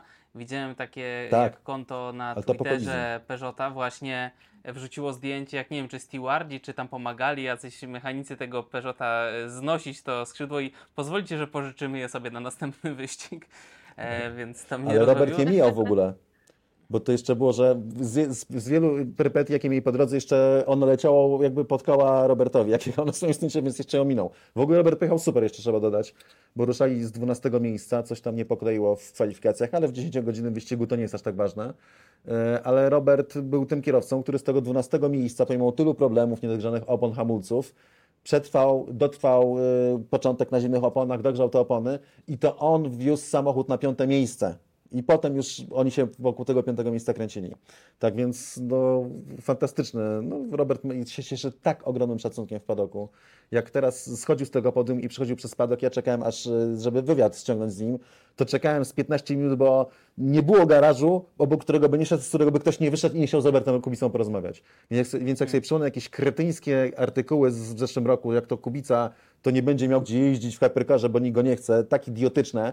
I jak widzisz, jak po prostu on jest, Robert jest półbogiem w tym padoku i w tej ekipie także. Jest po prostu tak cholernie szanowany w wyścigach, a szczególnie w, w tym, w długim dystansie, że to jest po prostu aż wzruszające i budujące. To jest po prostu to jest coś, na co się pracuje e, całe życie. Jest to, Robert jest, jest wielką postacią światowego sportu, e, a szczególnie motorsportu. Eee, pe- pewnie z taką małą polską białą flagą chodzisz, to o, co na mop, co, że jesteś taki dumny. E, ale, ale to faktycznie musi być... Nie będzie Niemiec, spluł nam w twarz, ni dzieci nam E, to-. O, dobrze, że nie poszedł do Joty Robert, A, bo to je- Porsche, wiecie. Co, no, E, ten, z ziemi włoskiej do Polski i tak dalej. Tak, tak, tak będziemy robić właśnie. A, e, a powiedz, Czarku, jak poszło naszemu faworytowi Mikowi Schumacherowi? Bo e, przyznam, że nie wiem. Pamiętasz? Ty, No, jeździ w ekipie Alpin, co akurat moim zdaniem jest do, dobrym spasowaniem. E, No, pojechał, pojechał wyścig. No tutaj co, to nie oszukujmy się, tak? No, nie, królem Formuły 1 nie był i królem długiego dystansu też nie będzie. E, jeszcze tego nie wiemy. Zobaczymy. To był dopiero pierwszy wyścig. Dajmy Mikowi szansę. E, Myślę, że ten, że wiele na to wskazuje, że, że, że nie. No ale może się mylę, tak? No, nikt nie jest nieomylny. Tak, a, a propos Roberta, jeżeli jeszcze ktoś e, z Was, słuchacze lub oglądacze, e, nie oglądał wywiadu z Robertem przed wyścigiem w Katarze, to zachęcam. Jest bardzo treściwy i bardzo fajny i Robert e, jest taki bardzo fajnie wyluzowany i opowiada o różnych sprawach bardzo fajnie. Dużo razy użyłem słowa fajnie, jak na profesjonalny sportowy podcast, ale ja tam nawet nie udaję, że jestem dziennikarzem, więc fajnie, fajnie, fajnie, fajnie. Więc przechodzimy do kolejnego fajnego tematu. E, Który kierowca w Formuły 1 ma pracę dzięki Netflixowi? Jacques Villeneuve, e, niegdyś posiadacz e, przepięknej blond czupryny, obecnie posiadacz żony, z którą wziął ślub w Las Vegas podczas wyścigu oraz zera czupryny, czupryny brak. Wypowiedział się tak, Cezary ma w- korkową myckę. To jest rozumiem twój protest song przed przyczepianiem e, zakrętek do butelek, tak? E, To o to chodzi. Ej, czekaj, to, czekajcie, jak wy, to ja też. One To moment. jest moja moment. czapeczka i zazdroszczę Tobie, że Ty masz na sobie czapeczkę. Ja założyłem sobie kapelutek. Poza tym lansuję nową modę, y, minimalistyczną taką. I to jeszcze, wiesz, wykorzystanie plastiku Bardzo dodatkowe, żeby jakby y, mnie. oceanie nie Oh. Wszy- Wszyscy w To też. Mario. W ogóle, e, słuchajcie, Mario Kart, rozczuliło mnie... e, No? A, no to co? To niby nie wiedziała o co chodzi, śmiała się ze mnie, a ma czapkę. E, mnie jeden z naszych widzów po, po, poprzednim e, odcinkiem e, skomentował, że mam czapkę, którą dostałem na świątecznym streamie, co było prawdą, ale że ktoś tak wyczaił. E, gratulacje. No dobrze, Jacques Villeneuve wypowiedział się tak. Daniel Ricardo to czysty produkt wizerunkowy, produkt współczesnych mediów społecznościowych. Nie da się uzasadnić jego długiej kariery wynikami. To niesamowite. Może podziękować Netflixowi i tego typu rzeczom. Jego uśmiech, podejście w padoku do kamer, jego zachowanie przed kamerami. Tymczasem nie wypada wybitnie nawet w porównaniu z Tsunodą. Wnosi jednak wartość do Formuły 1, pewną wartość i dlatego tam jest. Jest tak wielu kierowców równie szybkich, ale nie mają takiego wizerunku, więc lepiej jest wziąć takiego, który ten wizerunek ma. Daniel Ricciardo, ocena bohatera, Aldona Marciniak yy, czy Maldona Luigi, słuchamy. Jacques Villeneuve nie jest do końca w błędzie, ale myli dwie rzeczy.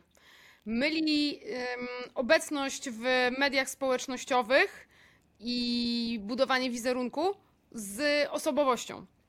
E, Daniel Ricardo nie jest człowiekiem, który się pcha do Netflixa, który się pcha do social mediów, który się pcha do jakichś akcji. Można by to powiedzieć o paru innych kierowcach. Niektórzy mogliby to powiedzieć o, o Walterim na przykład, który bardzo rozbudował swoją aktywność w mediach społecznościowych i tak dalej. Mm, Daniel Ricciardo jest po prostu ciekawą osobowością. E, I tak, oczywiście, zawsze lepiej się e, obejrzy wywiad z Danielem Ricardo, który się uśmiechnie, który zrobi coś fajnego. Lepiej się obejrzy działania promocyjne z nim, bo on się zawsze w tym zachowa. Nie będzie cringe'owy, nie będzie okwardowy, tylko po prostu widzisz, że, że, że to jest jego środowisko, że on jest w stanie być w tym naturalny, a jednocześnie, a jednocześnie interesujący.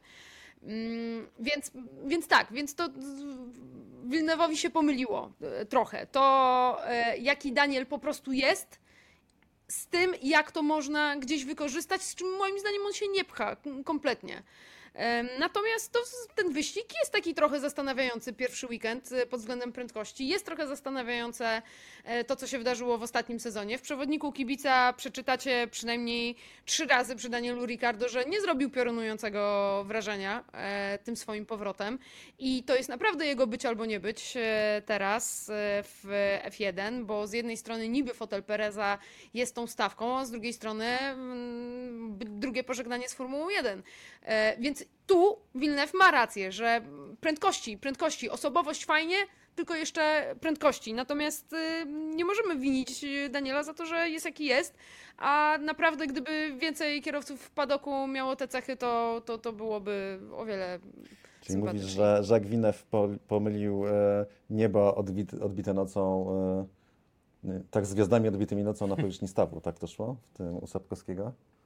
E, ja jednak, ja uważam, że Villeneuve jest świetnym specjalistą, że jest moim człowiekiem w tym względzie, że mówi rzeczy, których inni nie chcą dostrzegać i nie chcą mówić. Mówi po prostu bardzo mocno uderza w sedno. Nie zawsze się, się z nim zgadzam, ale, ale moim zdaniem facet y, mówi jak jest. Nawet tylko, że bardziej niż Max i nie mam na myśli naszego Maxia, który też mówi jak jest nawet bardziej, ale po prostu jest to bardzo niewdzięczna rola, dlatego że świat nie lubi ludzi, którzy mówią jak jest, szczególnie jak lubimy taką retorykę, prawda, krążącą wokół prawdy.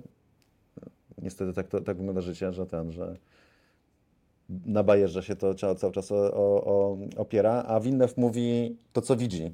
I w większości widzi rzeczy takimi, jakimi są, moim zdaniem. To Wilnew był bardzo dobrym kierowcą. Ostatni mistrz świata, który zdobył tytuł, nie mając przeszłości w kartingu, co dużo, y, dużo znaczy. No ale też wariat potem Nie. No trzeba przyznać, że się odkleił. może trochę, ale czy nie wariaci ciągną ten świat do przodu, tak? Czy nie, czy nie oni widzą te rzeczy, których tłum nie potrafi dostrzec? Oby nie. E, no, to, to tak jest, no, odmieńcy, odmieńcy sprawiają, że idziemy do Po przodu. Aldona, zazdrościsz Aldona, bo też byś chciała wziąć ślub w Las Vegas podczas wyścigu. Czysta zazdrość przemawia. kapliczce. I też bym chciała mieć 9 milionów na Instagramie, A to tak był jak chyba Ricardo. jego trzeci ślub. Y, Ja doskonale zrozumiałem, o co mu, mu chodzi. I on, on nie ma pretensji do Daniela Ricardo. I on nie ma nic przeciwko Danielowi Ricardo, ale mnie to zaczyna irytować, jak ja widzę ten cały czas ten jego uśmiech, ten Conor z- zawsze go tak fajnie parod- paroduje, że on tam, ho, ho, co by się nie stało, to, to się śmieje.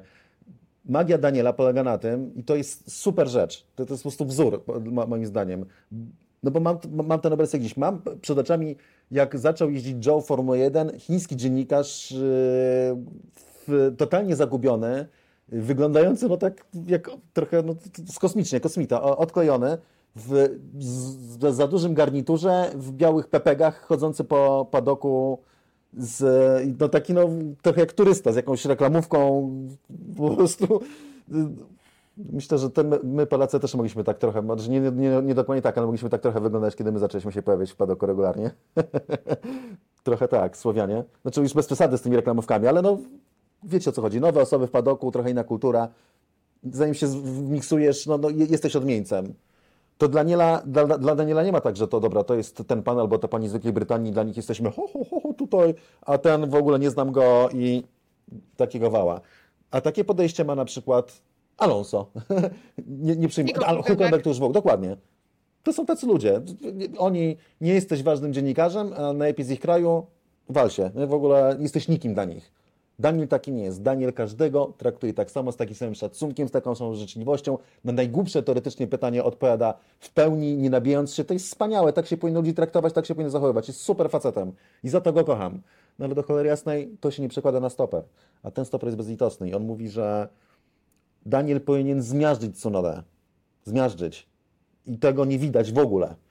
Więc nie jest kandydatem na miejsce w Red Bullu i leci, a z drugiej strony to, na co zwraca uwagę Jacques Villeneuve, to jest coś, co też ja mówię, a coś, na co mi tak naprawdę Robert Kubica zwrócił uwagę już dawno temu, że tak zaczął w tym kierunku, że współcześni kierowcy to im y, bardzo zależy, oni się bardziej martwią o to, jak, ile mają y, obserwujących na Instagramie. Mija półtora roku czy dwa lata, jest ankieta z George'em Russellem na trzy lata, nie, dwa lata ponad, trzy poprawię, na wykrywaczu kłamstw robi Sky i okazuje się, że y, George'a Russella dręczy to, że y, Lando Norris ma więcej obserwujących na Instagramie że George, co pisałem w przewodniku, ja go za to nie krytykuję, bo ma prawo, ale nie, dla mnie to nie jest, dla, dla mnie to, to nie jest kierowca jakby z najwyższej półki, no bo się skupia na innych rzeczach. E, on wstaje codziennie rano, patrzy w lustro i mówi sobie, jesteś boski. I tego typu rzeczy. No to i Formuła 1 idzie w tym kierunku. Tak samo Ginter Steiner, przecież to jest po prostu koleś, który powinien z tego sportu 100 lat temu. Absolutnie, ale gwiazda Netflixa. Formuła 1 oddala się bardzo, jeszcze bardziej od sportu, a coraz bardziej idzie w kierunku show. Nie jest to, nie Norris jest to 2,5 jednoznacznie złe. więcej. No właśnie. To nie jest jednoznacznie złe. I ostatecznie kto wygrywa teraz? Nie showman, tylko najlepszy kierowca Formuły 1. Fernando Alonso, drugi wybitny kierowca, on też ma gdzieś, gdzieś takie właśnie zagrania, on właśnie ludzi też potrafi tra- traktować brzydko i oni ciągle wygrywają. No Lewis jest jednym z tam wybitnym kierowcą, ale moim zdaniem też właśnie dużo zajechał w swojej legendzie na tym właśnie, że był taki cukierkowy, taki po prostu pod, pod, pod publiczkę. Nie, nie mówiąc, jakim jest kierowcą. Natomiast Villeneuve tu trafia w sedno. Formuła, coraz mniej sportu i coraz więcej nacisku na to, kto ma więcej obserwujących na Instagramie, kogo ludzie bardziej lubią, kto się ładnie uśmiecha, zamiast na tym, kto zapierdziela w skrócie. I to jest, to jest, ja tylko zauważam rzecz, ja, Villeneuve, w tym, w tym kierunku idzie Formuła 1. Więc za jakiś czas będziemy coraz mniej oceniać kierowców na zasadzie takiej, że on jest lepszy, bo jest lepszy, tylko on będzie się wydawał lepszy dlatego, że go bardziej lubimy, tak? Albo dlatego, że go trzymają w Formule 1 tylko dlatego, że ma więcej obserwujących na Instagramie. I to o to chodzi w tym wszystkim. Nie chodzi o Ricardo osobiście, tu chodzi o to, co się dzieje z Formuły 1. Bardzo szerokie koło zatoczyliśmy, znaczy nie koło, Mhm. takim szerokim wachlarzem e, pociągnęliśmy ten temat. E, Zanim przejdziemy jeszcze do Grand Prix Arabii Saudyjskiej, to takie szybciutkie dwa temaciki. Po pierwsze, myślę, że gdyby robić wykłady z tego, jak sprawić, żeby twoi pracownicy nie czuli się zbyt pewnie na swoich miejscach, na swoich stanowiskach, to Helmut Marko byłby idealnym przedstawicielem tego nurtu. Helmut Marko mówi tak, jest duża szansa, że Liam Lawson dostanie fotel w 2025, przepraszam, Liam Lawson dostanie fotel w 2025 roku, ale do tego czasu powinien jeszcze pojechać w kilku wyścigach, żeby zobaczyć jaki jest jego prawdziwy potencjał. W jakich wyścigach, za kogo, nie wiadomo, ale Helmut powiedział i się rozpłynął we mgle. Także wszyscy czujcie się e, bardzo pewnie, a ja bym też chętnie A zobaczył Daniel i Liama. Ricardo, chlip, chlip. Tak. A, a Tsunoda zajeżdża po, po zakończeniu wyścigu miejsce, te, e, miejsce na torze Danielowi. E, I jeszcze drugi krótki e, temacik. Myślę, że tutaj Cezary, zwłaszcza się, mu się to spodoba. E, czy jest szansa, że Vettel wróci z emerytury i trafi do Mercedesa? Ile byś czarku dał, żeby Vettel pojechał sobie, no czterokrotny mistrz świata, tyle wygranych wyścigów, no nie byle kto, nie byle jakiś tam kiero, kierowca, no. Może by jeszcze Bardzo. piąty tytuł, to by tak potwierdziło jego wielkość. Bardzo chciałbym to zobaczyć. Bardzo chciałbym właśnie to, jak wchodzi do tego samochodu po tych dwóch, trzech latach przerwy, siada koło Russella i że nam się wydawało, że Schumacher źle wypadł obok Nico Rosberga, to byśmy dopiero zobaczyli. Moim zdaniem, co to znaczy źle wypaść obok, obok kierowcy młodego pokolenia. Moim zdaniem to była totalna katastrofa. Yy, Ale na, jakby na rzecz, żeby się przekonać, bo może jestem w błędzie, dla tych wszystkich, którzy uważają, że absolutnie nie, że to był taki wybitny kierowca, to tylko z tego powodu chętnie bym to zobaczył, ale najchętniej teraz bym zobaczył Max Verstappen w Mercedesie 2025 za Hamiltona, a Fernando Alonso w Red Bullu. I to by było, to by było spełnienie moich marzeń.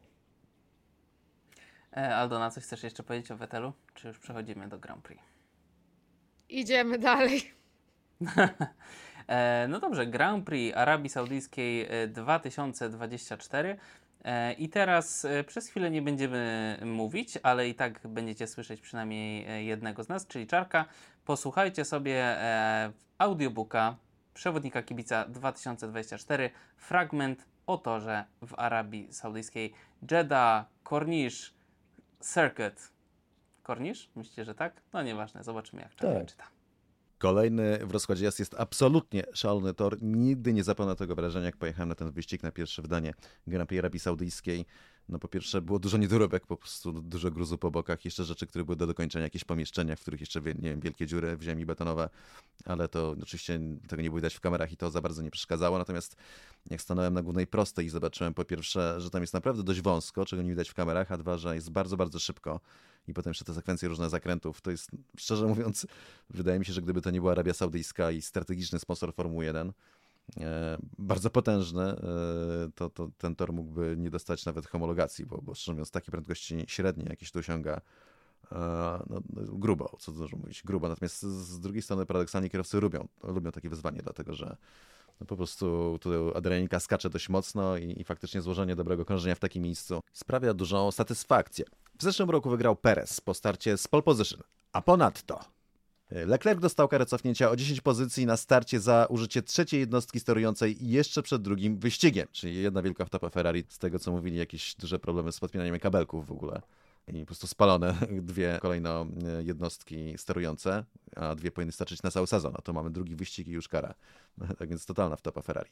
Verstappen odpadł z Q2 z powodu awarii półosi. Po starcie z 15 pola i tak na mecie był drugi co też pokazało, jak mocny jest Red Bull i no, farcik y, Pereza, że, że takie problemy miał Max, bo inaczej nie wygrałby też tego wyścigu. Alonso znów dojechał na podium, które stracił na rzeczy Russella za nieprawidłowe odbycie kary, aby potem odzyskać się dzięki skutecznej apelacji Astona Martina. To była dość ciekawa aferka znowu, dlatego że chodziło o to dotykanie samochodu podczas pit stopu, które teoretycznie było nielegalne i to wyłapali zdaje się nawet sędziowie z tego odległego punktu, czyli tam gdzieś w Szwajcarii obserwujący to na monitorach. Po czym e, Aston Martin, co też pokazało organizację zespołu, jak świetnie to wszystko działało, wyciągnął papiery, nagranie wideo, gdzie pokazało, że wyraźnie przy wielu innych pitstopach były dotykane samochody podnośnikiem przed zakończeniem e, odbywania tej kary, w związku z czym e, ta dodatkowa kara jeszcze się nie należała, została cofnięta i Alonso odzyskał miejsce na podium. I ostatnie wydarzenie. Dwa wyścigi po rozpoczęciu sezonu Norris i Piastri wciąż są bez punktów, czyli ta fatalna forma McLarena na początek sezonu po prostu była kontynuowana. A teraz opis toru. To był szok, gdy w 2021 roku bolidy Formuły 1 po raz pierwszy wyjechały na kwalifikacje do Grand Prix Arabii Saudyjskiej. Średnia prędkość najszybszego okrążenia wyniosła aż 253 km na godzinę. To prawdziwe szaleństwo w takim kanionie. Jeśli dodać, że osiągnięto ją na ulicznej trasie z 27 zakrętami, to zakrawa o czyste szaleństwo szaleństwo, którym jest w istocie. Takie średnie osiąga się na najszybszych torach w kalendarzu, takich jak Monza czy Silverstone. I te właśnie trasy momentami przypomina obiekt w Dżudzie. Długie proste to Monza, a sekwencje bardzo szybkich łuków to Silverstone albo Spa. Wszystko byłoby ok, gdyby jeszcze nie ściany ciasno okalające jezdnie niczym w Monako. Zeszłoroczny zwycięzca Sergio Perez, który pokonał dystans 308 km w ledwie godzinę i 21 minut, co jeszcze raz na tym torze jest szaleństwem, mówi, że to najniebezpieczniejszy tor w kalendarzu Formuły 1. O tym, jak twarde potrafią być tu ściany, najmocniej przekonał się Mick Schumacher podczas kwalifikacji w 2022 roku. To był potężny dzwon, jeden z wielu zresztą Micka Schumachera. Z drugiej strony maksymalne ryzyko, czyli złożenie szybkiego kółka pomiędzy ścianami przy takich prędkościach to powód do ogromnej satysfakcji. Niestety zagrożenia wykraczają poza tor. W 2022 roku kierowcy rozważali zbojkotowanie wyścigu po tym, jak rakieta wystrzelona przez Houthi trafiła w pobliską rafinerię. Zatem już przy drugim wyścigu sezonu zadamy sobie pytanie, czy w obecnej sytuacji geopolitycznej uda się zorganizować wszystkie 24 rundy rekordowego sezonu? No właśnie, czy Formuła 1 znowu poświęci, e, no nie wiem, chyba bezpieczeństwo, żeby startować w tak ważnym strategicznie kraju, u tak ważnego mm, gospodarza? Są to oczywiście kwestie e, światopoglądowe. Powiem tak, moja wizyta na miejscu była bardzo interesująca. Nie garnę się, żeby znowu wracać do Arabii Saudyjskiej, ale też nie czułem tam jakiegoś szczególnego niebezpieczeństwa. Nie jest to taki kraj, który sobie można wyobrażać, e, nie wiem, czytając jakieś artykuły, czy jakieś dramatyczne tweety, czy historie. E, no, raczej wygląda dość normalnie. Jest to miejsce bez jakiegoś wielkiego przepychu, miejsce, w którym jest dużo przybyszów z zewnątrz. No, miejsce, w którym sam miałem przygoda nie miją, dlatego że kiedy jechałem na wyścig w niedzielę, to mi koleś potężnie przeładował w tył, naprawdę zrobił mi niezłą miazgę z bagażnika, bo sobie siedział w telefonie. Natomiast jak, jak przyjechał policjant, no to tam nie było jakiegoś nie wiem, reżimowej mordęgi, czy coś w tym stylu, po prostu normalnie jak wszędzie spisał oświadczenia i pojechał dalej. Tak więc no, jest to dość interesujące miejsce, natomiast no, sam uważam, że akurat organizacja wyścigu e, po tamtym, po tamtym zamachu, no to było dość takie no, ryzykowne zagranie. No i teraz, kiedy mamy znowu napięcia w tym rejonie świata, zastanawiam się, czy Formuła 1 w ogóle powinna tam jechać, natomiast Formuła 1 chyba się nie zastanawia, jak to się mówi, pieniądze nie śmierdzą. To był fragment audiobooka y, przewodnika kibica Formuły 1 WEC i Formuły 3 2024, które wciąż jest do kupienia na stronie cezarygutowski.pl. E, A teraz jeszcze przypomnę godziny sesji. To jest kolejny wyścig, w którym to wszystko jest przesunięte o jeden dzień, czyli czwartek, 7 marca, pierwszy trening 14.30. Drugi trening 18, w piątek 8 marca trzeci trening 14.30, kwalifikacje o 18 i w sobotę 9 marca wyścig o 18, czyli mojego czasu 22.30 to się będzie zaczynało. No ładnie. Eee, nikt się z Państwa nie wybiera do Arabii Saudyjskiej, prawda? Nie, ja raz byłem Nie. i mi wystarczy na razie. Aczkolwiek dzisiaj byłem na wystawie Expo i był bardzo ładny pawilon Arabii Saudyjskiej wystawiony. Muszę powiedzieć, że nie spodziewałem Mi się. wystarczy to, że nigdy nie byłam. A tak a propos w ogóle, czy wiecie, że my jesteśmy w trzech różnych, różnych strefach? Jak w tej piosence. Połączenie stref, krew za krew i ten... Tak, Ten- faktycznie. Chciałem już tak, światła. wspomnieć. O, I nie wiem, czy to nie jest tak, że jesteśmy po raz pierwszy w trzech różnych strefach. Czy to się wydarzyło? To się mogło wydarzyć w zeszłym roku. mogło się wydarzyć, prawda? tak. No ale co, jestem w Katarze, no. e, Max jest e, na Sri Lance, czy teraz powinniśmy być w Sri Lance, bo inaczej jest brzydko. Można powiedzieć, że na Sri A ja Lance? jestem prosto z samolotu, co widać po moich ubraniach nawet. Tak, No tak, bo jak Tylko słuchacie to powiedziałem, podcastu- powiedzieliśmy. Aldona ma e, ten, e, uniform pilota. tak. Dopiero co wyszła. To jest kobieta wielu talentów. Dobra, słuchajcie, no, Arabia Saudyjska, będzie, będzie gorąco. Mm, tam już, y, tam już nikomu, nikomu tyłki nie będą marznąć, tak jak nam w Bahrajnie i w Katarze. 30 stopni, więc zupełnie inne warunki, a przypominamy to, do czego, wróci, do czego nawiązywaliśmy wcześniej, problemy z chłodzeniem w Mercedesie, problemy też wynikające z z temperatury w Ferrari. No, więc jest y, kilka dni na ogarnięcie tego zdecydowanie lepiej. Kompletnie inny tor, y, szybki, kompletnie inny asfalt przede wszystkim, bardzo gładki, a tutaj y, w Bahrajnie no najbardziej szorstki, najbardziej szorstki z możliwych. Więc y, szukajmy tych punktów y, zaczepienia, które, które sprawią, że ta stawka będzie wyglądać inaczej. Też zwracaliśmy uwagę na to wcześniej, o ile Bahrain jest jednym z gorszych możliwych torów dla McLarena, o tyle Arabia Saudyjska powinna być jednym z lepszych możliwych dla McLarena. Więc biorąc pod uwagę, jak tutaj już Norris byłby blisko, gdyby nie ten błąd w kwalifikacjach, no to ten McLaren może nam się mocniej włączyć do, do walki z Ferrari i Mercedesem. Więc moim zdaniem jest na co czekać. Też tak uważam. E, Trzeba no włączyć dobrze. telewizory koniecznie. E, Przepraszam, bo zabrałem, bo mamy opóźnienie po prostu przesunięciem e, przez te strefy i czasami sobie wchodzimy w, w słowo Maksiu, więc e, e, w studio w Sri Lance, e, czy, no tak, take it away. E, nie, nie, nie, proszę, bo ja już chciałem przejść do naszych prognoz na e, podium, ale rozumiem, że chciałeś coś jeszcze powiedzieć, więc e, proszę. Chciałem powiedzieć, że nie mam już nic do powiedzenia. Poza Dziękuję. prognozą Dzwonię- na podium. Dzwonię, żeby ci powiedzieć, że już nie, że nie mogę z tobą rozmawiać. No dobrze, to ja To zacznę od prognozy. E, prognoza pogody na podium e, w Grand Prix Arabii Saudyjskiej 2024 to Max Verstappen, Lando Norris, Carlos Sainz. Proszę. To teraz. Czarku. A, okej, ja. Czarek. E, no dobra, dwa pierwsze chciałem podać tak jak ty, a trzeciego chciałem dać Leclerca. Ale zagram grubo. Lando Norris, Max Verstappen, Charles Leclerc. Pierwsze zwycięstwo, no dobrze. Max Verstappen, y, Charles Leclerc, Lando Norris. No i mamy. No ale okej, no ciekawe, dobrze. Czyli jak wygramy to wszyscy, jak pójdziemy na dno to również wszyscy. E, jeszcze taka mała rzecz. E, e, Czarku, pokaż koszulkę e, dla tych, co nas oglądają. A, tak, tak, tak. Myślałem, że powiesz pokaż bez koszulkę, no ale dobra. E, to ona. Tylko muszę dolić.